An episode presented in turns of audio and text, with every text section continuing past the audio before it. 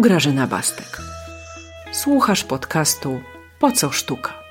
Pytam o to historyków sztuki, krytyków, artystów, ale też tych, dla których sztuka jest, jej odbiorców.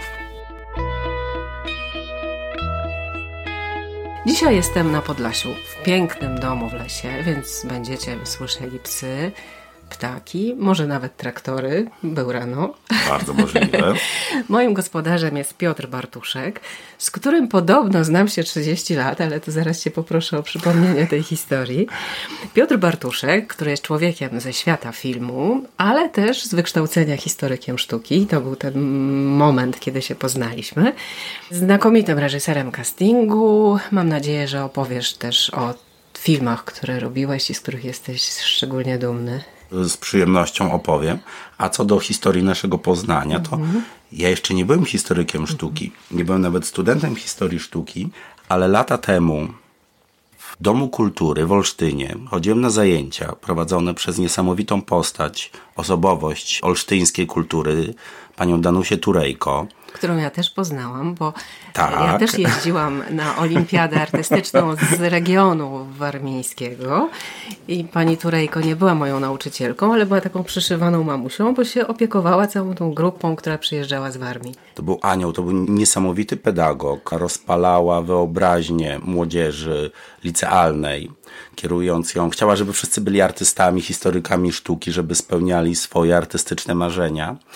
No i chodziłem na te zajęcia.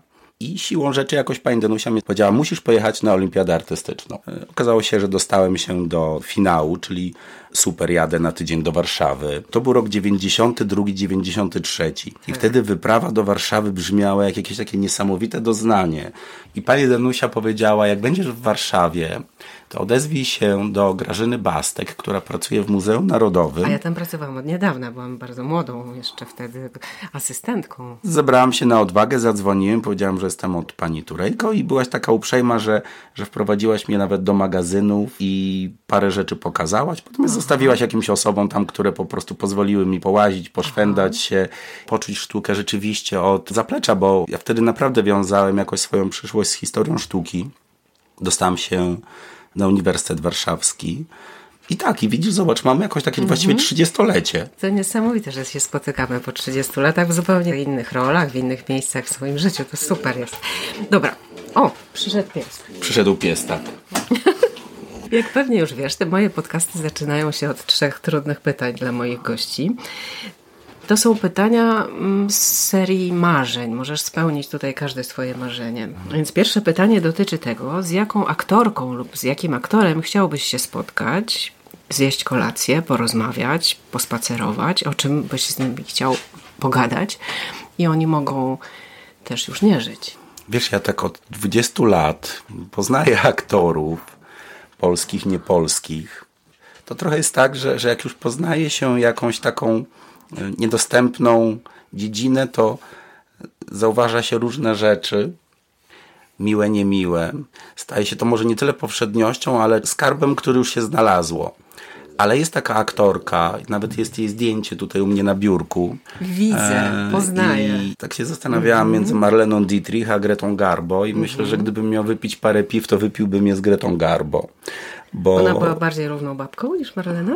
Myślisz? Każda była na swój Aha. sposób. To są takie dwie aktorki, które są dla mnie jakimiś takimi niewiarygodnymi ikonami. Bardzo się nimi interesuję, czytam dużo o nich, oglądam filmy.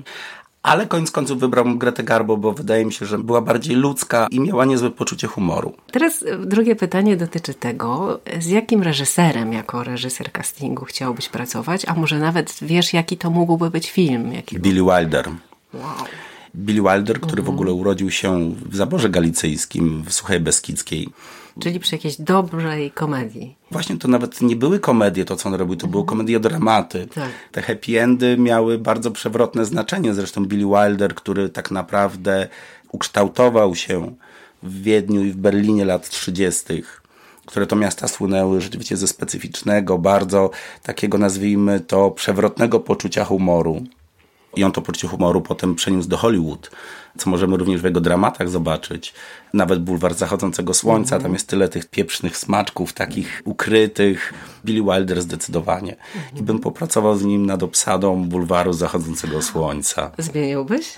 Nie wiem, czy bym zmienił, ale na pewno chciałbym zrobić zdjęcia próbne z paroma aktorkami. Aha. Ja słyszałem kiedyś nawet historię, Volker Schlendorf mi opowiadał, jak spotkał się z Billy Wilderem i zapytał go właśnie o Bulwar Zachodzącego Mhm. Słońca i o wybór aktorki.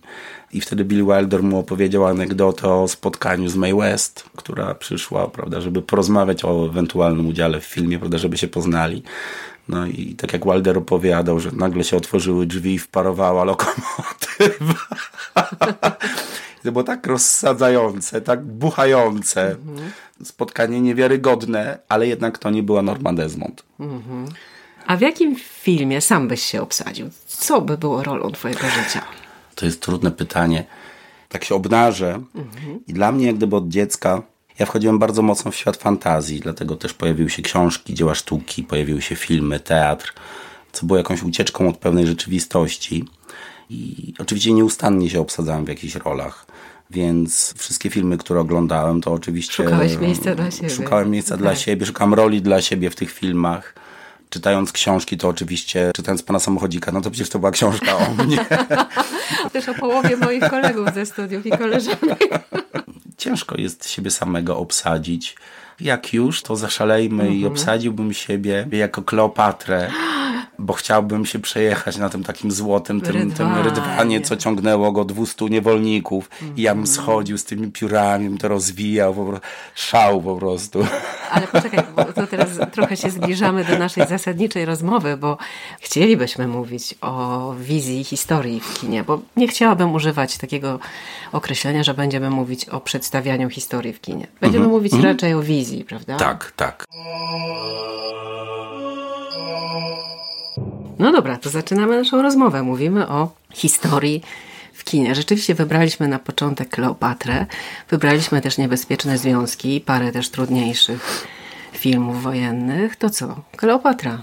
Idźmy od Kleopatry. Idźmy od Kleopatry. I szczególnie, że początki, tak jak mi się wydaje, taka moja słaba trochę wiedza w tej dziedzinie jest taka, że początki kina, początki Hollywood to jest ożywienie tych wielkich, akademickich, historycznych obrazów. Ja myślę, że reżyserzy, scenografowie filmowi początku Hollywood byli zafascynowani Siemirackim, Almą Tademu, Tomasem Cotirem, tymi wielkimi wizjami starożytnego Rzymu, jakie znali z malarstwa akademickiego. I te wielkie machiny, te nieprawdopodobne dekoracje i kostiumy, to trochę było jak to, prawda? Jak wielkie akademickie, historyczne malarstwo XIX wieku. Powiedzmy też od tego, że początki kina to jednak, e, mówiło się o kinie, że jest to sztuka jarmarczna. I był to biznes, który miał oczywiście przynosić jakieś dochody. No a jeżeli ma ten, ten biznes przynosić dochody, to co by tym ludziom opowiedzieć społeczeństwu amerykańskiemu, które jednak było bardzo purytańskie, które było religijne, które jak gdyby kierowało się bardzo prostymi zasadami, więc najlepiej wklepać im Biblię E, Za pomocą głowy. obrazu. Za pomocą obrazów, za pomocą historii, prawda? To też jest bardzo ciekawe, że ta przewrotność tego Hollywoodu i wielotwarzowość, że oficjalnie opowiemy wzmacniające moralne historie o różnych świętych właśnie, czy to też o Kleopatrach, y, które zawsze kończą się, o bohaterach, prawda, które zawsze się kończą z jakimś takim morałem, że tam nie ma miejsca na jakieś świństwa, że nie wiadomo co, prawda? Zwróć uwagę, że... Zło musi zostać pokonane. Tak, że jest to kino, tak się narodził western przecież, że zło musi zostać pokonane. I te wielkie widowiska no, były oczywiście wspaniałą formą rozrywki. A wielkie widowiska też przynosiły wspaniałe okoliczności, możliwości realizacyjne, bo to były i setki statystów. Tak. To- Zresztą taki jest podobno przepis. Im więcej włożysz pieniędzy, tym więcej wyjmiesz, tak? To jest... No, z polskim Kowadis nie wyszło. Ale z Kleopatrą tą z 63 roku podobno też nie. To też podobno było fiasko To, finansowe. to nie do końca Nie tak jest. Biorąc przeliczniki właśnie z ostatnich tych 50 lat, to jest 63 rok, prawda, Mhm, Kleopatra? tak, tak mi się wydaje. Biorąc przeliczniki i biorąc też pod uwagę rynek europejski, to jednak jest to film, który się zwrócił. Mhm. Może nie zwrócił się od razu, ale jest, jest to film, który się zwrócił. No ale przede wszystkim wywarł nieprawdopodobne piętno na wizji starożytnego Egiptu. To zresztą starożytny Rzym, prehistoria, Egipt, to są te rejony historii, które jest bardzo trudno odtworzyć w jakikolwiek wiarygodny sposób. To są też miejsca dla fantazji. Tak? To samo zresztą można by powiedzieć o wczesnym średniowieczu, czy nawet o XII, XIII czy XIV wieku. Dopiero w XV możemy mieć jakąś ikonografię wnętrz, strojów bardziej prawdopodobną do odtworzenia. Natomiast tak, to wszystko... ale dlatego też mhm. właśnie przyjęto pewną umowność, bo kino kostiumowe to nie jest kino edukacyjne. Kino kostiumowe jest to kino, które ma oszołomić widza przyjąć oczywiście pewne elementy stylu znane, bo lata 20 to jest odkrycie grobu Tutenchamona. To jest egiptomania, prawda? Tak. Więc pojawiają się reprodukowane elementy wyposażenia grobu Tutenchamona. I one są jak gdyby przetwarzane przez Hollywood. Zgodnie z modą ówczesnych czasów. Zgodnie z modą ówczesnych czasów I, i to, że pewne rzeczy są podkreślone, dodane, mhm. to jest tylko zabieg realizacyjny, który ma jak gdyby pomóc w przekazie filmowym. Mhm. Tak, i zresztą ja się zastanawiałam nad naszą rozmową, właśnie też nad tym rozróżnieniem pomiędzy filmem historycznym a filmem kostiumowym. I ja tak do końca tej granicy wyraźnie nie widzę, bo historyczny, no to wiadomo, muszą być historyczne postaci mm -hmm, i mm -hmm. fakty, które się rzeczywiście wydarzyły. Natomiast film kostiumowy może się dziać w przeszłości, ale bohaterowie mogą być anonimowi, wydarzenia mogą być sfabularyzowane i wymyślone całkowicie. To ja to uproszczę może.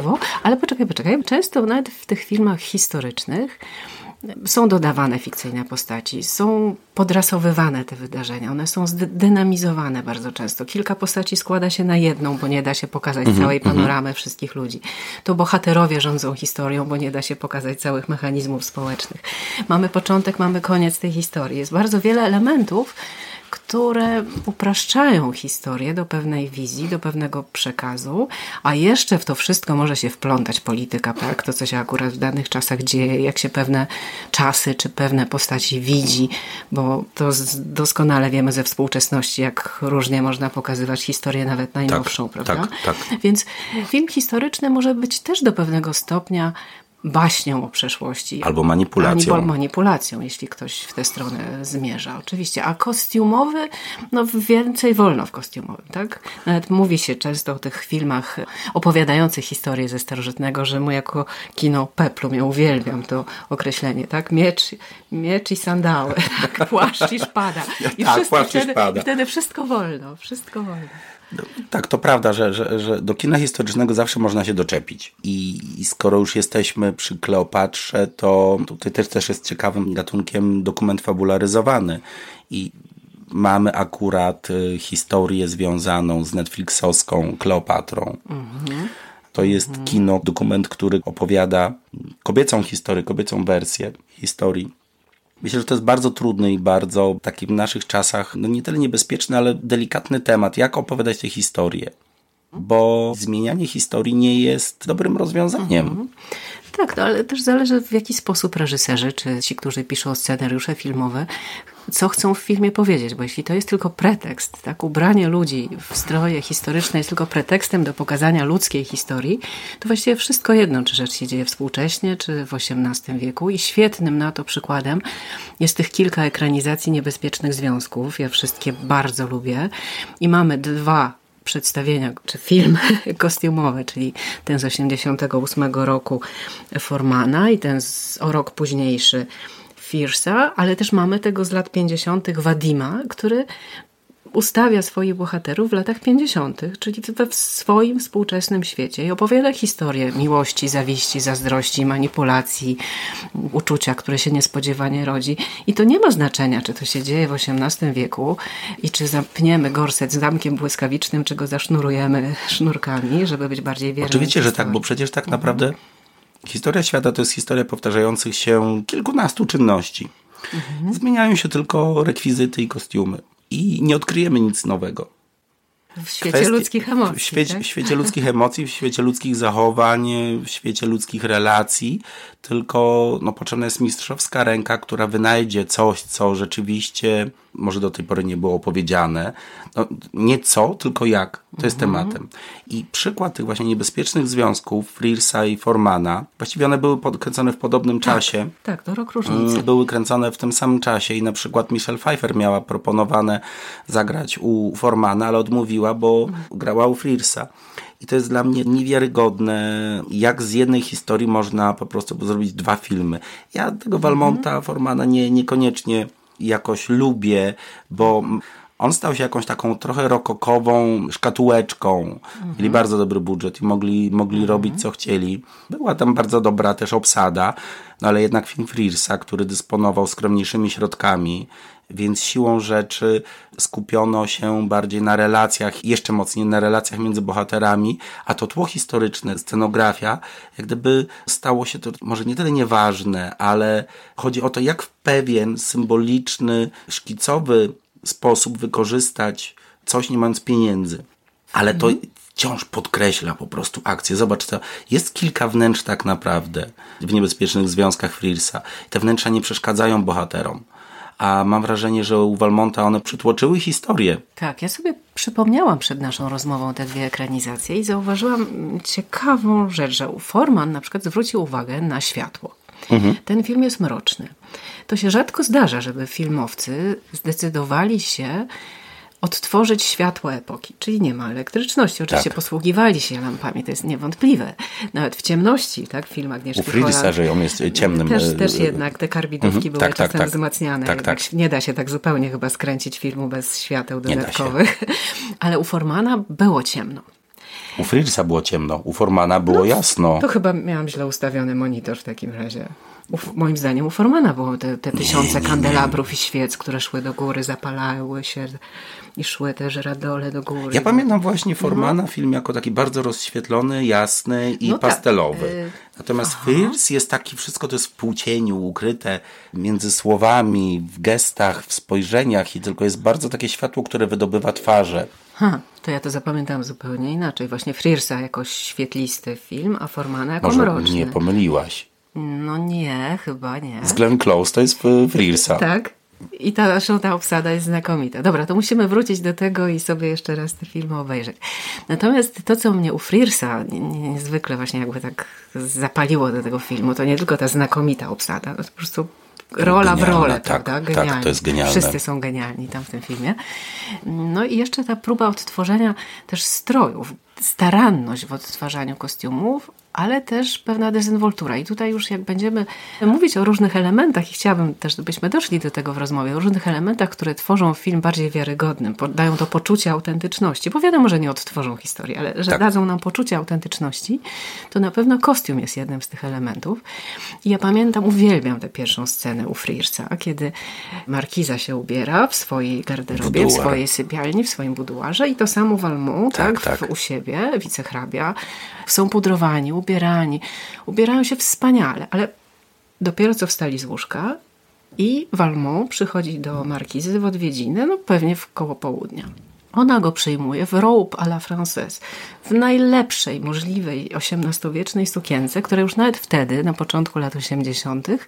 XVIII wieku, była zarezerwowana wyłącznie dla dworskich uroczystości. Można było tak pójść na koronację, na bal, na jakąś wielką uroczystość, ale nie przejmuje się w swoim własnym domu swojego byłego kochanka w takiej sukience. Ona mogła być nawet w dezabilu. To samo mm Valmont, tak? Najlepszy tak, tak, tak, haftowana kamizelka. No wypas nieprawdopodobny. Taki strój mógł kosztować dwie wioski i oni się tak spotykają z samego rana. I to czyli... jest ta właśnie ta prawda ekranu, mm -hmm. czyli jak pokazać te realia kostiumograficzne. Kostium jest wykorzystywany po to, żeby podkreślić pewną sytuację a nie po to, żeby odwzorować dokładnie, kto jak ubierał się w danej porze dnia, że ta suknia właśnie, tak jak mówisz, jest zarezerwowana na, na uroczystości dworskie. Ta suknia zostaje, prawda, przed południem, no bo to nawet jak się czyta wspomnienia różnych dam, upadłych i nieupadłych. No, wystarczy poczytać Balzaka i mm -hmm. prawda, że hrabina przyjęła prawda, księcia w porannym dezabilu, tak. tuż po kąpieli tak. w czepku. Co było zresztą? Jakiej kąpieli? Kto się tam mył wtedy rano? Balzak to już jest połowa XIX Aha. wieku. To już rzeczywiście ten element kąpieli jako element... Y, Przygotowania się do dnia. Ale też jakaś teatralna sytuacja. Mhm. Bo te określone czynności były też spektaklami. To jest tak jak na przykład Maria Antonina. Mhm, o której mówimy, tej ostatniej, tak? Kopoli. O tej ostatniej Kopoli. To jest film, którego ja bardzo nie lubię. On jest płytki jak kałuża, jak powiedział mój kolega z pracy. Nawet płytszy. I to w ogóle to, to jest śmieszne, bo ja miałem wrażenie, ja, ja czytałem biografię Marii Antoniny, mhm. którą Cwajk napisał, mhm. bardzo dobrą. I miałem wrażenie, że połowa tego filmu jest zerżnięta. To jest tego. Nie miałeś wrażenia, że ten film jest właśnie takim ciastkiem? Tam jest takie pudełko, to tak. błękitne. Tak. Jak byłem no, drugi raz w Paryżu. To była taka słynna cukiernia. Ona mhm. się nazywa La Dure. La Dure. Mhm. Już na lotnisku mają teraz. Przepiękna cukiernia. Mhm. Opakowania przepiękne, więc ja oczywiście jako taki mhm. fetyszysta opakowań, ja bardzo lubię pudełka, jeszcze szczególnie mhm. takie, bo pudełko jest koloru no, pistacjowego. Jak to się mówi, jajodrozda, to prawie jak u Tiffany'ego. I mhm. wytłaczany złoty, prawda, złota mhm. korona, fleur de lis, liście wawrzynu tutaj. I zapragnąłem tego pudełka. Nieważna była, że tak powiem, jakość zawartości ale spróbowałam tego makaronika. To była taka chemia, bo to, to było takie paskudztwo, że tego nie dało się zjeść. I film Kopoli y, jest właśnie takim francuskim chemicznym makaronikiem, którego nie da się zjeść, bo treści tam nie ma, jakości tam nie ma. Jedyne, co jest ciekawe, to buty Manolo Blachnika, o których się tak strasznie dużo mówiło, że wszyscy zapomnieli, kto tak naprawdę w tym filmie grał i po co ten film został zrobiony. A jak myślisz, po co? Ktoś miał wizję i wywrócił się z tą wizją. Mhm. Bo samo założenie może i było ciekawe, ale, ale na to, żeby opowiedzieć historię Marii Antoniny, to trzeba jednak troszeczkę się bardziej pochylić, a nie iść mhm. schematami, bo doceniam absolutnie y, szaleństwo kolorów, y, kostiumów, y, scenografię. To był dwór Ludwika. Mhm.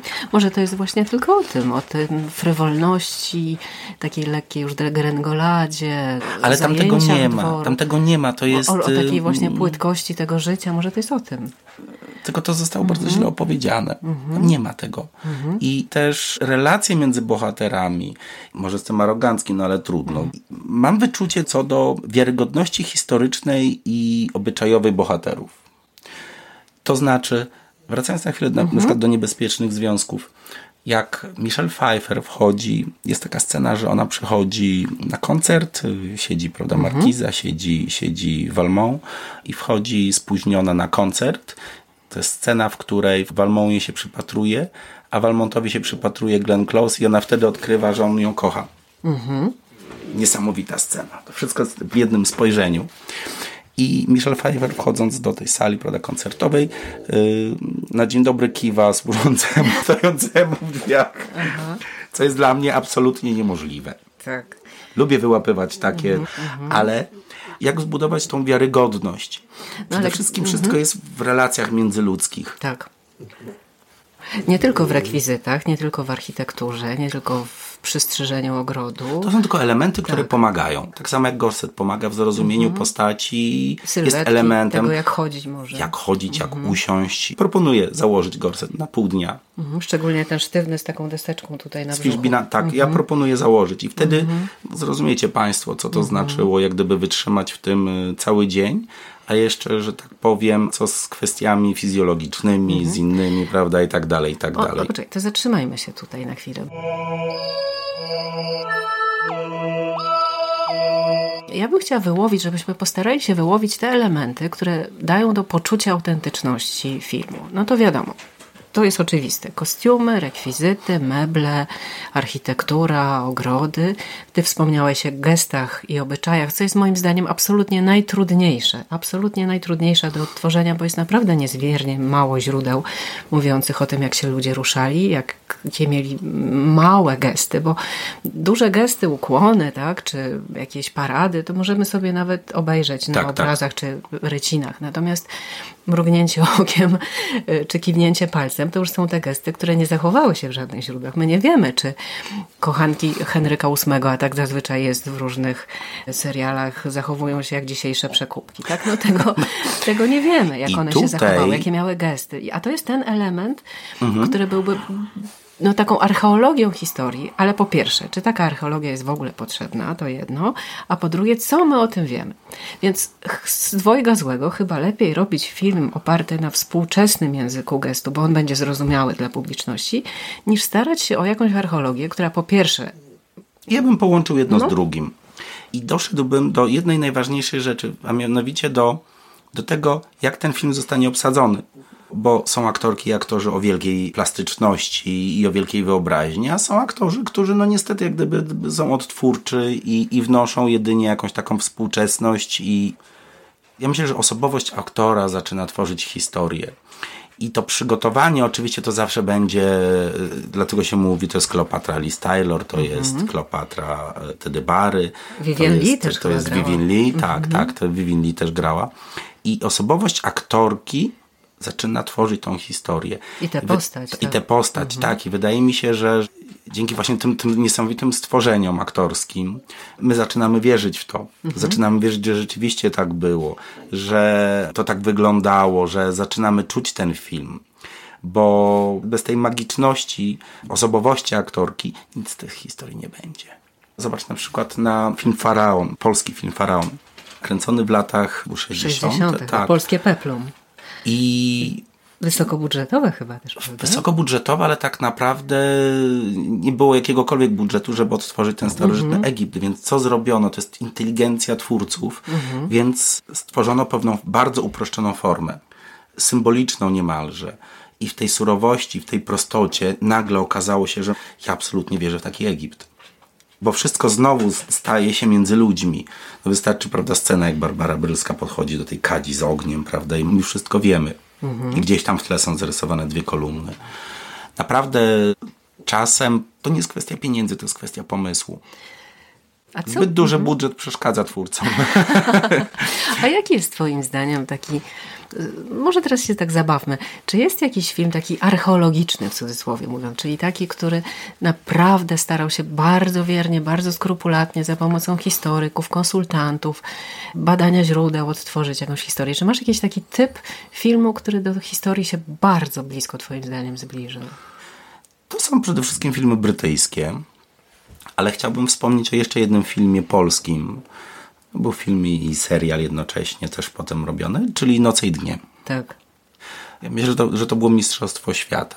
Oczywiście jest to epoka też, która jest trochę łatwiejsza, bo to jest, jest bo to jest mhm. Y, bardzo dużo źródeł, są zachowane kostiumy. To było kręcone w latach 70., więc jest jeszcze ta pamięć taka przekazywana z pokolenia na pokolenie. Może czym... nawet pamięć gestu, prawda? Może tak, może mhm. pamięć gestu, bo jednak mhm. to środowisko, te ziemiańskie, mhm wciąż jednak możemy zobaczyć coś takiego, że widzimy jakąś panią i nagle sobie myślimy, to musi być jakaś księżna albo hrabina, prawda, która miała wielkie posiadłości na, na kresach i, i jest potomkinią dawnego rodu. Ta pamięć genów. I myślę, że Noce i Dnie, no to jest coś niewiarygodnego, to jest arcydzieło. Mm -hmm. ten, ten film jest arcydziełem. Mm -hmm. No dla mnie arcydziełem jest Lalka, ta druga, mhm. ten drugi serial, późniejszy. Mhm. Uwielbiam go.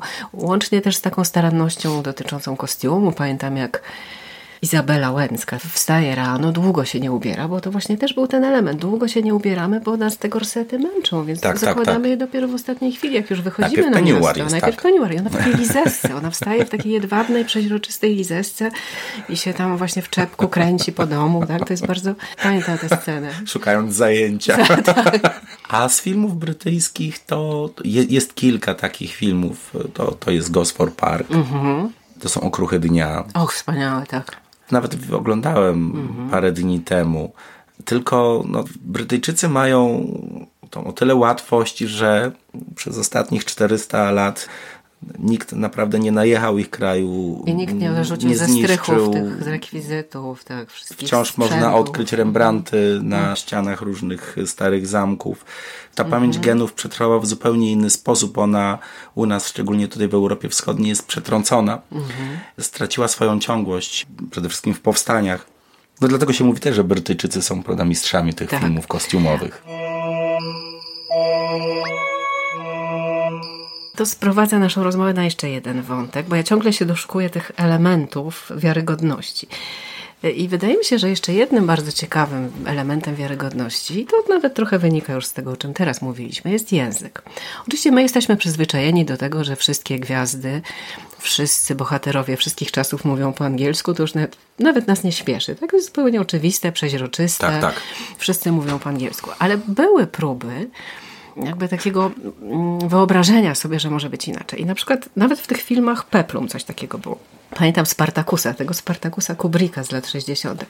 Kirk Douglas grał Spartakusa. I tam było coś takiego, że wyższe klasy, czyli dwór cesarski i cesarz mówili wyższym, takim wysokim angielskim, natomiast niewolnicy z amerykańskim akcentem, albo na przykład w Gladiatorze był też fajny zabieg. To nie tak dawny film mhm. Mela Gibsona, że reżyser tam pozwolił mówić każdemu aktorowi po angielsku, ale z własnym akcentem. I to też pokazywało tą nieprawdopodobną różnorodność starożytnego świata, gdzie może mówili, mówiono Ale to po są fantazje Amerykanów. Amerykanie mylą Europę z Azją czasami i, i jak gdyby... Ale chodzi mi o samą intuicję, tak? Że, to ciekawy zabieg jest taki, tak, nazwijmy to muzyczny, tak, tak w języku. Że, tak, tak, pokazujący, że... że każdy mówi trochę inaczej. Niby jednym językiem, wtedy łacina, teraz jest to powiedzmy ten angielski, ale to, to pozwolenie na akcenty jest właśnie takim urozmaiceniem tego świata. To może zróbmy to inaczej. To, mm -hmm. Na przykład ja powiem z własnego doświadczenia, że jeżeli robimy film wielonarodowościowy, to zdecydowanie absolutnie. Dla mnie jest bardzo ciężko, jeżeli Niemca gra Polak mówiący po niemiecku.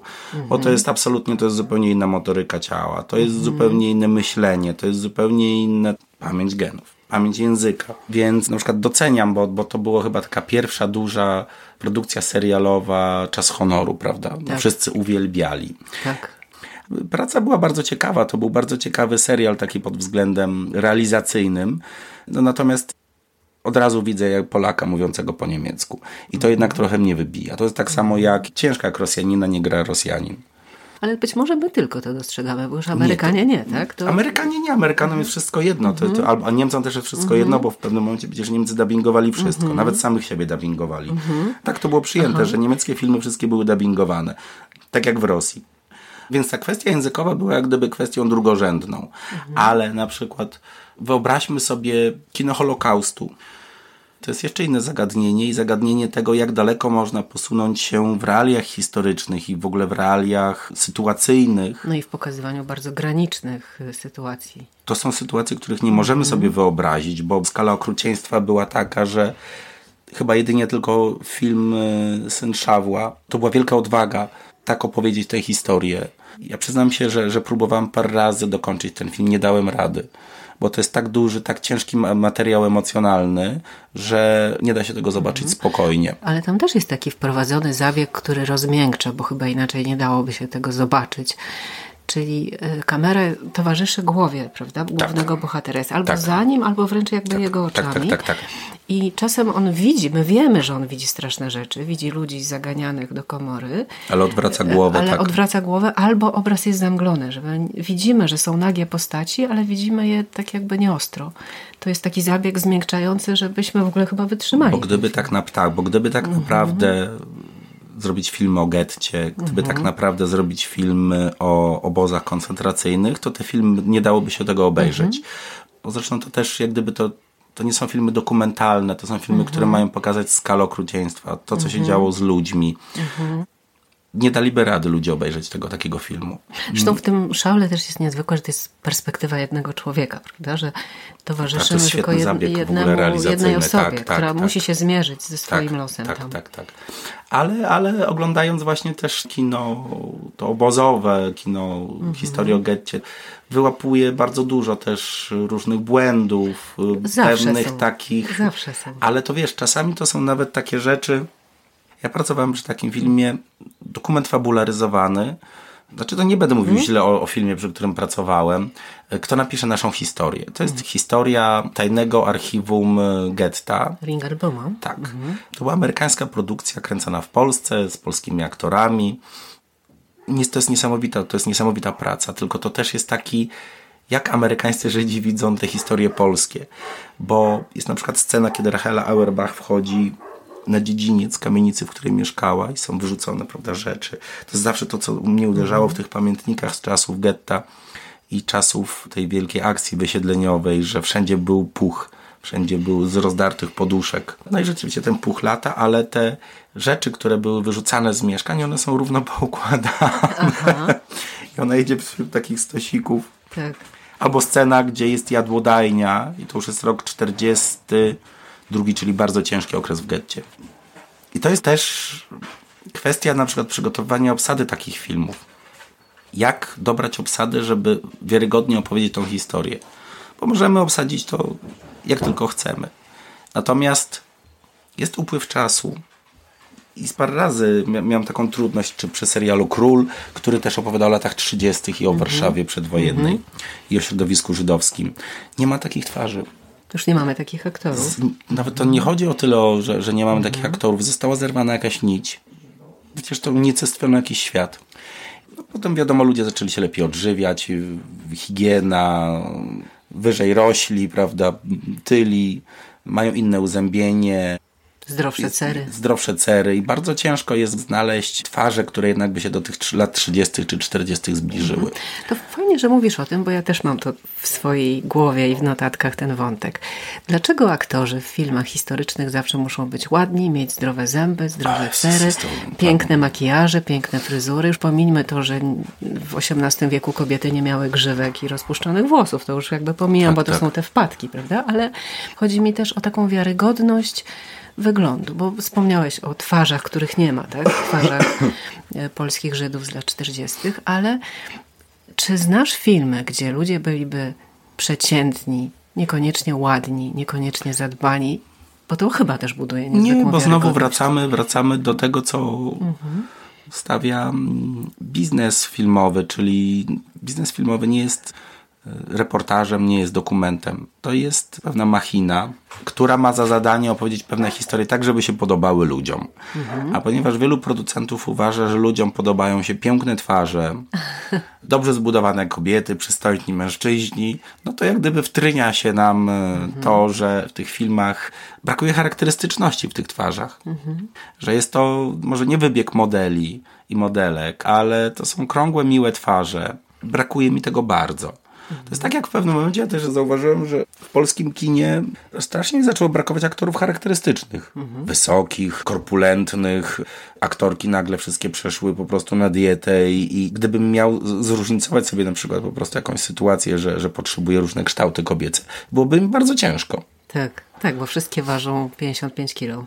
Wszystkie są podobnie uczesane, wszystkie mhm. podobnie mówią. Mają Może zęby. nie wszystkie, tak, mają zęby.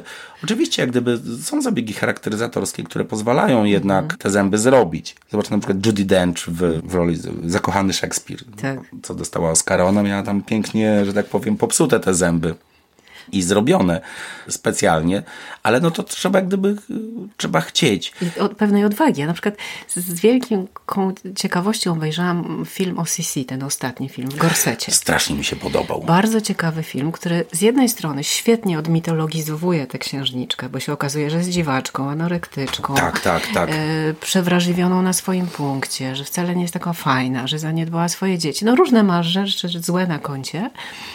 Ja potem, zresztą często bardzo po filmach historycznych, ja sobie szukam w internecie, co było prawdą, a co zmyśleniem. To jest moja ulubiona zabawa. Musi być research. I na przykład tam się dowiedziałam bardzo ciekawej rzeczy, która nie została na filmie wybita.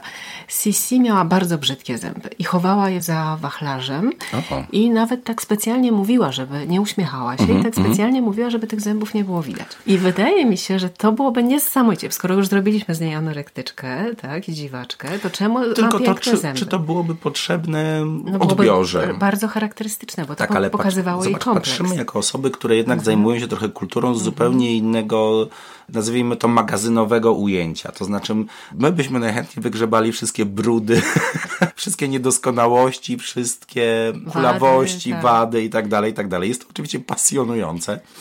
I, I ludzie uwielbiają wygrzebywać nawzajem u, u sąsiadów, u znajomych, u przyjaciół różne takie rzeczy.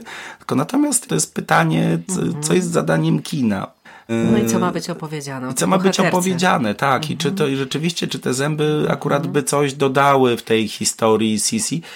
No, rozbiłyby mit pięknej księżniczki. Te kostiumy są tak niehistoryczne i tak rozbuchane, ale tak podkreślają w ogóle mm -hmm. charakter tej historii, mm -hmm. że to ja uważam bardzo udaną realizację. Mm -hmm. Patrząc na realizację sprzed pół wieku z Romy Schneider, gdzie no tak. to wszystko jest takie słodko gemutliś i w ogóle ucukierkowane, co mhm. się okazuje totalnie nie było jak mhm. prawdą. No tak, ale tamte lata potrzebowały takiej bohaterki, tak. nasze czasy, nasze czasy szukają już innych. I to Czyli też to jest... też nam pokazuje, że film historyczny mówi o nas. Film historyczny mu opowiada absolutnie o nas. Tak. Film historyczny opowiada o momencie, w którym my jesteśmy, tylko potrzebujemy jakiegoś kostiumu, żeby... Zresztą filmowcy mówią, no Kleopatra to byłaby taka współczesna bizneswoman, która, prawda... Wiele takich wyjaśnień. To są po prostu bzdury, które mają uzasadnić, że ktoś wybrał taki, a nie inny temat. No, ale może ludzie rzeczywiście w to wierzą. Ja też lubię w filmach, to taki kolejny klocuszek, który chcę tu wrzucić. Lubię, kiedy filmy, już mówiliśmy o tych brzydkich aktorach, tak? Czy chorych, chromych, kulawych z kołtunem na głowie. No tego nie ma. Raczej tego nie ma. Ale jest jeszcze jeden element, który o dawnych czasach mógłby ciekawie mówić i w filmie Polańskiego Oficer i Szpieg są tego przebłyski. Że ludzie się tak do końca nie myli, że ulice były brudne, że były rynsztoki, że nie było światła, że był kurz, że był mrok. I początek oficera i szpiega poleńskiego w tych jakichś ministerstwach, w których jest mało światła, mnóstwo kurzu, mnóstwo brudu, to się aż unosi w powietrzu. Nawet reflektory podświetlają ten kurz. No to jest dla mnie fenomenalny zabieg. Niestety nie widziałam tego filmu, ale to, co mówisz właśnie o, o zapachu, o tym brudzie. Parę razy zetknąłem się przy okazji, była taka scena na przykład w filmie Vanity Fair. Widzimy naszą bohaterkę, jak jest młoda i, i przychodzi książę kupić obraz jej ojca. I, I tam widzimy ten brudny Londyn. Ale tak naprawdę widzisz, brakuje mi w wielu tych filmach tego zapachu. Mhm. Pachnidło trochę daje. Nawet pachnidło, nawet tak, ale ta szybka sekwencja tego śmierdzącego Śledzi, Paryża. Śledzi, ryb. Ale ja miałem wrażenie, że to jest taki zabieg artystowski trochę i on w ogóle mnie nie przekonał. To było ciekawe. Też tak trochę jestem na bakier z tym filmem, z tą ekranizacją. Nie do końca ona mnie ujęła. Ale wprowadzał zapach, tak? Wprowadzał temat, bo to... Wprowadzał, tak. Ja już niezbyt dobrze pamiętam ten film. Zrobił dla mnie duże wrażenie właśnie dlatego, że pojawił się ten element autentyczności, którego mi zawsze brakuje w filmach historycznych. Właśnie tego brudu, zapachu, rynsztoku, ulicy, biednych ludzi, którzy nie, nie piorą swoich ubrań. Zresztą arystokracja też nie prała. Przecież No, też wiemy, że prała, tylko tak. ręcznikami suchymi się osuszali Tak, i tak, zmieniali tak. bieliznę, tak? To był I pudrowali. i nawet w tych filmach, o których mówiliśmy, o niebezpiecznych związkach, nie ma młoteczków do wszy, nie ma tych drapaczek, które się wsadzało za gorsy, Tak, żeby tak, się tak. podrapać. Tam nie ma tych elementów. To były absolutną, absolutną Tylko wiesz, no, gdyby dodać te wszystkie elementy, to też tak naprawdę film nie, nie miałby szansy się rozpocząć, bo już musiałby się kończyć. Ale odłożona drapaczka na stoliku? Coś trzeba, coś trzeba zawsze wybrać i tak. coś trzeba... Ale jakiś aspekt historii, tak? Trzeba wybrać. Czasem jest to jakiś jeden element, który coś tworzy i dodaje. Tak jak w Niebezpiecznych Związkach ta, ta scena tego ubierania się, która też jest oczywiście bardzo uproszczoną Ale wspaniałe. sceną. Jest Tak. wspaniałą. Taki od razu wprowadza... Nastrój, Od razu wprowadza tak. nastrój, tak. Zresztą ostatnia scena zmywania Tak. makijażu No, też no jest... to jest ta klamra, tak? Najpierw się tak, ubieramy tak, i się tak, budujemy, potem tworzymy postać, a potem stracimy twarz. Tworzymy dosłowny rusztowania nieprawdy, a potem tak, ale to jest genialne. I się okazuje, że czasami ta niezgodność z tymi realiami, dobrze jest znać realia, żeby wiedzieć, co można wybrać, a z czego można zrezygnować. Wiedza nigdy nie przeszkadza. Tak mi się wydaje, szczególnie Ale w i nadmiar filmach, może y, przeszkadzać. Ale jej nadmiar może przeszkadzać w serialu dokumentalnym Kleopatra, kiedy widzę sceny fabularyzowane, gdzie Kleopatra wjeżdża do Teb i macha do przechodniów z lektyki. Upadłem wtedy. No szczególnie, że to jest rola twojego życia. No, no, gdybym był Kleopatrą, to bym bardziej pejczem chłostał, albo w ogóle bym... Wiesz, no przy tym smrodzie tych ulic tebeńskich, no to przede wszystkim ona, ona by dopłynęła do pałacu Nilem i wysiadła, prawda, po schodach wchodząc, a nie była niesiona lektyką. To są takie drobne elementy. No, jak pokazać, że, że Kleopatra była fajniusia i że kobieta, która kochała poddanych i tak dalej, i tak dalej. Ja myślę, że nawet w filmie historycznym ta miłość, jak pokazać miłość do poddanych, że ona jednak myślała o tych poddanych. No, No, na pewno nie jakieś tak, że leżała na piachu na ulicy i machała do przechodniów. No nie, wydawała rozsądne werdykty. Dekrety Dekret, wydawała, tak. ale, ale nie wydawała ich na ulicy machając Mhm. i wyglądając jak pensjonarka, nie wiem, z Cincinnati czy z jakiegoś innego stanu. Ale narada z doradcami politycznymi, a machanie ręką to jest inna scena, prawda? No w ogóle w tych scenach też małżeństwa jak poślubia swojego Mhm. brata, no bo to było dynastyczne, prawda, potrzeba. No też, tak jak Amerykanie widzą starożytność. Powiedz mi w takim razie, co musi być w filmie historycznym czy kostiumowym, żeby to był dobry film historyczny kostiumowy? Przede wszystkim to musi być historia. Musi być coś, co wciągnie widza, zainteresuje. Mhm. Ale to równie dobrze może być film o czasach współczesnych. Tak? tak, tak. Czyli kostium jest tylko dodatkiem. Mądrze dobrany kostium, mądrze dobrana scenografia, rekwizyty. No dlatego czasem się nawet tej scenografii, ona jest tak dobra, że aż się jej nie widzi. Ja myślę, że to jest chyba największy komplement dla filmów historycznych, kostiumowych, że to tak wspólnie tworzące całość, że ja lubię sobie parę razy poglądać niektóre filmy, że mhm. zwracam wtedy uwagę na kolejne detale. Sobie oglądam drugi plan, trzeci mhm. plan, mhm. jak gdyby jak scenografia, jak wnętrze jest dobrane. No tak, historia zawsze musi być, prawda, w każdym filmie. Natomiast jakby też sens i cel robienia filmu historycznego to jest też pokazanie tego, co chcemy powiedzieć o historii, o tych postaciach, które jeżeli, przedstawiamy, Tak, jeżeli też współcześnie robimy, mm -hmm. znajdźmy mądrze jak, jak gdyby mhm. jakąś taką łączność między tą współczesnością a czasem przeszłym co my chcemy powiedzieć jako człowiek, filmowiec, artysta, który żyje w roku 2023. Nie naginajmy tych różnych teorii, nie twórzmy jakichś mistyfikacji, które no, bardzo szybko się okazują czymś totalnie nieoglądalnym. Tak, a z drugiej strony te pewne, może nie chciałabym tego już nazwać mistyfikacją, ale mity są czasem tak splecione z naszym postrzeganiem historii, że może nawet nie wiemy, czy one są prawdą, czy zmyśleniem. I na przykład czasem też filmy tworzą takie sytuacje, które wchodzą do naszego myślenia, do naszej świadomości jako wydarzenia, które rzeczywiście miały miejsce, a ich nie było. I tutaj czymś takim nieprawdopodobnym, to mnie powala na nogi, jak się dowiedziałam o tym, że Wajda w Lotnej, w filmie Lotna, o wrześniu 1939 roku pokazał tych kawalerzystów, którzy z szabelkami rzucili się na konie. Nie było czegoś takiego tak, w kampanii wrześniowej. A mnie się wydawało, że było. Ale to był, za, to był zabieg to... realizatorski, który miał pokazać, mm -hmm. prawda, tą, że oni na koniach z szablami, mm -hmm. na czołgi, takie to jest mhm. piękne, no takie no to, wajdowskie. No to, jest, no to jest film o odchodzącej historii, tak? Odchodzącej o historii. O micie polskiego tak, żołnierza, o bohaterstwie, zobacz, ta, ta symbolika, symbolika języka mhm. filmowego, no pewnych rzeczy, pewne rzeczy trzeba mhm. inaczej trochę przenieść. Tak, ale to jest też niezwykłe. Czasem myślimy filmem, że tak, tak myślimy, tak, tak. przypominamy sobie historię, czy odtwarzamy sobie w wyobraźni historię poprzez to, co zobaczyliśmy na filmie. I dla mnie ta lotna, no naprawdę byłam głęboko wstrząśnięta tym, że to była nieprawda. Może jeszcze na koniec powiedzmy o tych zabiegach, o tych żartach, o takich skercji, o kaprysach tak, historycznych, bo ten taki serial na by, Bridgertonowie. Bridgertonowie. O, to jest takie puzdereczko z niespodziankami. Mi się mhm. strasznie, ja byłem po prostu zafascynowany tym, jak można, z jaką lekkością, z jakim wdziękiem można stworzyć swoją wizję historii. Nikt nie mówi, że to jest prawda historyczna, nikt nie mówi, że jest to film historyczny, ale to wszystko to jest tak wdzięczne, wszystko to jest tak mhm. ciekawe. Mhm. Jest przede wszystkim historia. To jest taki klejnocik, to jest taka zabawa mhm. formą. No i, i tam kostium jest rozrywką, prawda? To... Genialną. No.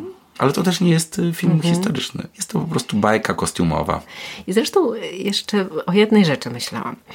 Chciałam jeszcze wprowadzić na koniec taki wątek który podsumuje może trochę naszą rozmowę i jeszcze raz dobitnie nam powie, że filmy współczesne, czy dotyczą historii, czy przyszłości, są filmami o nas. I o tym chyba nawet lepiej niż filmy historyczne mówią filmy science fiction. Jak patrzę dzisiaj na ekranizację Lema z lat 60., na Solaris Tarkowskiego z lat 70., to ja widzę komunistyczne czasy, tak, w Rosji czy w Polsce, podkoszulki siateczkowe. I ten retrofuturyzm jest czymś tak rozbrajającym dzisiaj, ale chyba nawet bardziej tego typu ekranizacje pokazują, jak bardzo jesteśmy współcześni kręcąc coś, co dotyczy przeszłości czy przyszłości. Ale też jak szybko się zmienia w ogóle świat. To hmm. w ogóle już inna bajka, no bo to co 40 lat temu ta wizja lotów kosmicznych, no wystarczy spojrzeć na Kleks w kosmosie. telefony takie I telefony, tak. E, I, i Tarkowskiego były bakelitowe jak ten, jak ten czas się posunął przez te 40 lat z jakimś mm -hmm. taką prędkością w ogóle, że ja mam wrażenie, że to starczyłoby na kilkanaście epok. Ale jestem bardzo ciekaw, jak się ten temat kina kostiumowego będzie. Ja nie lubię filmów science fiction. Nie bardzo. Natomiast jest jeden film, który mnie poruszył, a to Planeta Małp. Ten z Timem Bartonem. Te, ostatnie realizacje. I to jest taka trochę dla mnie taka klamra symboliczna. Jakieś takie bardzo, bardzo smutne odczucia miałam po obejrzeniu tego filmu. Nie wiem dlaczego. Może opowiada o tym, jak do czego doszliśmy i do czego możemy z powrotem wrócić. Jeśli nam się zabierze te wszystkie gadżety. Jeżeli nam się zabierze te wszystkie gadżety i jeżeli trochę się zapomnimy i pójdziemy o krok za daleko, to już się nie wpisuje ani w kino kostiumowe, ani w Tak. kino historyczne, ale jednak jest, jest jakiś kostium w tym filmie. Mhm. Ach, gdzieś czytałam, przygotowując się do naszej rozmowy, jakiś krytyk filmowy powiedział, że filmy przedstawiające jaskiniosów kręcone w latach 40. dopasowują skóry do sylwetki z lat 40. Czyli to znowu byłoby woda na mój młyn, tak? Że zawsze robimy o sobie. Zawsze robimy o sobie. Mhm. Nawet wiesz co, czasami się mówi, że, że jest moda na filmy takie, moda na Tak. Mhm. filmy takie, filmy Płaszcza i Szpady, które były w latach 60. i 50. No, wszelakie ekranizacje Mhm. historii Duma. Nie ma, już nie ma filmów Płaszcza i Szpady, skończyło Mhm. się. A jak jest teraz kino historyczne? Co jest najsilniejszym nurtem, tematem? Ja myślę, że to są filmy, które pokazują tą czarną stronę Ameryki. To znaczy od niewolnictwa po czasy współczesne. Myślę, że to jest jakimś takim, ta kinematografia tak pędzi, jest tyle filmów. W tej chwili to są wszystkie filmy science fiction typu Wakanda, typu, prawda, Avatar 2, e, Kształt Wody. To są filmy, które trochę uciekają od rzeczywistości. Ale też to są filmy, gdzie można w bardzo bezpieczny sposób kierować się regułą diversity, różnorodności, wielorasowości i tak dalej, i tak dalej. A jeszcze taki z takich filmów, tych nazwijmy to historyczno-kostiumowych, czy widziałaś Na Zachodzie bez zmian? Nie, ale Agata mi opowiadała o tym filmie. Mhm. Bardzo duże wrażenie na mnie to zrobiło. I to tam właśnie czułem te okopy. Ale ja się właśnie boję tego filmu, bo boję się, że on jest zbyt realistyczny. Po osiągnięciu pewnego wieku ja już nie mogę oglądać filmów, gdzie cierpią ludzie. To mnie absolutnie rozwala i nie jestem w stanie tego obejrzeć. A tam Rozumiem. już sama czołówka, tak, to rozbieranie tego mięsa armatniego, przygotowywanie tych młodych mężczyzn do tego, by zostali zabici, to już, to już mnie rozwaliło, sama ta scena. I nie obejrzałam dalej. Ja obejrzałem i, i, i to jest właśnie ten film z kategorii tych bru, brutalistycznych, bezwzględnych, ale chyba bardzo blisko dzisiejszych czasów jest ten film znowu. Zobaczymy, może się mylę. Czy jest coś, o czym nie powiedzieliśmy, a myślisz, że jeszcze trzeba? Boże, jest tyle rzeczy, ale to ja bym cię zabrał na 10 odcinków. Puenta jest taka, że ja bardzo lubię filmy kostiumowe w ogóle. To jest taka bezpieczna część, gdzie można naprawdę poszaleć. I chciałbym, żeby w Polsce było więcej takich filmów robionych. Oczywiście nie mamy możliwości przede wszystkim budżetowych. Ale sam Bo- powiedziałeś, że brak pieniędzy czasem uwalnia właśnie wyobraźnię i kreatywność. Tak, tylko że, że, że jednak jest potrzebny jakiś budżet. Nie mówię o, o 50 milionach, mówię o, o filmach 10 milionów. To jest coś, co można opowiedzieć. Kiedyś się pokłóciłem z jednym producentem, bo chciał zrealizować historię hotelu polskiego. To jest hotel przy ulicy Długiej w Warszawie. Historia taka, że Niemcy omamili grupę bogatych Żydów, obiecując im wyjazd do Szwajcarii pod warunkiem, że oddadzą wszystkie swoje złoto, brylanty i tak dalej. Oni czekają w tym hotelu polskim. Są zawiezieni na dworzec później. Eleganckie salonki, zamalowane okna. Dojeżdżają po kilku dniach, prawda, Switzerland. Wychodzą, prawda, z rampy i nagle się okazuje, że to nie jest żaden Switzerland, tylko Auschwitz. Strasznie mnie ten temat pasjonuje, bo w zamknięciu w tych czterech ścianach można opowiedzieć całą historię getta. Ja wiem, że to jest bardzo ciężko opowiedzieć nie pokazując, ale mnie bardzo kręci takie... Ja nie lubię opowiadania po literkach. Ja nie lubię opowiadania dosłownego. Czyli zamknąłbyś akcję tego filmu w tej Zam- salonce. Tak, nie, nie tym- w salonce, nie. w tym hotelu, w tym, tym na, na hotelu. ulicy Długiej. Od ulicy do tych pokoi, do, do labiryntu tych, prawda, i historii ludzkiej, które tam są i tego, co oni słyszą z okien, widzą, co się dzieje. Palone papiery, prawda, ten smród, smród umierającego, gnijącego miasta, no to jest części miasta. A z drugiej strony też ta jeszcze wciąż żyjąca Warszawa. Lata 40. to też już jest historia. Tak? Już nie mówię o tragizmie tych czasów, ale też o kostiumach, o realiach, o gestach, o Wszystko, obyczajach. wszystko jest tak? historią. Już to, co było wczoraj, już jest historią. To, co było pół roku temu, to już w ogóle zaraz będzie w książkach. Także to jest niesamowite, jak ten czas po prostu szybciutko leci, ale też niesamowite jest, jak y, ta nasza współczesność może nie manipuluje prawdą, ale jak zaciera to, jak ludzie. Widzisz, ludzie nie chcą, może dlatego nie ma tego brudu, tego smrodu w, w kinie historycznym, kinie kostiumowym, ponieważ ludzie nie chcą o tym pamiętać. Ludzie przechodzą do porządku dziennego. Kończy się jedna tragedia, żyjemy dalej, zacznie się druga, będziemy znowu żyć. Tak, dlatego patrzę teraz za okno i ciekawi mnie, czy powstanie kiedyś film o ludziach, którzy, jak mówiłeś, zginęli tutaj w tych bagnach podlaskich, próbując Agnieszka przejść Holland, przez Agnieszka granicę. Holland robi film Zielona Granica. Tak? tak. Tutaj będzie się to działo? O, o ona, krę, ona kręciła tak, ona o, o, tych, o, tych, o tych miejscach, o granicy polsko-białoruskiej i o, o tym, co się działo. Aha, czyli jesteśmy w historii. Trochę jesteśmy. To jest bardzo, bardzo ciekawy rejon, bo tak naprawdę wszystkie fronty przechodziły przez, przez te lasy, przez te drogi rosyjskie, niemieckie.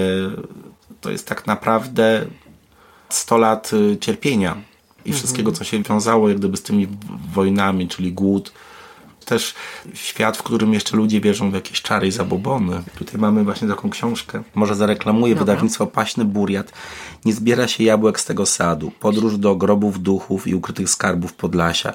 Jak się mówi, na przykład takie jest drzewo rosnące na cmentarzu, jabłonka na przykład nie wolno, nie wolno jabłek zjeść. Jednak drzewo ciągnie soki z ziemi, Tak. a tym samym zabiera cząstkę duszy i jedząc takie jabłko możesz Z- Złapać zagościć. Debu- złapać debuka. Tak, no to, to też jest trochę mówione o tej właśnie historii żydowskiej tego regionu, bo to jednak Nie no, ta, ta, ta wiel- wielokulturowość tutaj ją się trochę czuje. No i taka dzikość. No wczoraj przyjechaliśmy tutaj w twoje okolice, zamieszkaliśmy u przemiłego gospodarza w Narewce i pierwsze co nam powiedział gospodarz to to, że jego miły pies, z którym się przywitaliśmy właśnie zagryzł wilka. A kiedyś jechałem, do, kiedy ze dwa tygodnie temu jechałem do Warszawy i musiałem dojechać do Białegostoku samochodem. Była godzina piąta rano i tak jedziemy, jedziemy i tak patrzę, co tak przy tej drodze takie głazy, których nie było wcześniej. A to były żubry. O, Słuchaj, to jest niesamowite, tak naprawdę XXI wiek i wyjeżdżasz 300 kilometrów od miasta i nagle się okazuje, że troszeczkę cofasz się w film kostiumowy jakiś. To, co mamy za oknem jest to rodzaj filmu kostiumowego. Umówmy się, że, że jest to rzeczywistość, którą ubrałem w jakiś nowy kostium. no to idziemy w takim razie. Dziękuję Ci bardzo za rozmowę. Ja bardzo dziękuję za zaproszenie. To już wszystko w tym odcinku podcastu Po co sztuka. Możesz go słuchać na Spotify lub w innej ulubionej aplikacji. Jeśli chcesz wiedzieć więcej o sztuce, o malarstwie i jego tajnikach, ale też o wszelkich rzeczach dziwnych i ciekawych, zapraszam do Galerii Osobliwości Grażyny Bastek na stronie grażynabastek.pl oraz na Facebooku i Instagramie.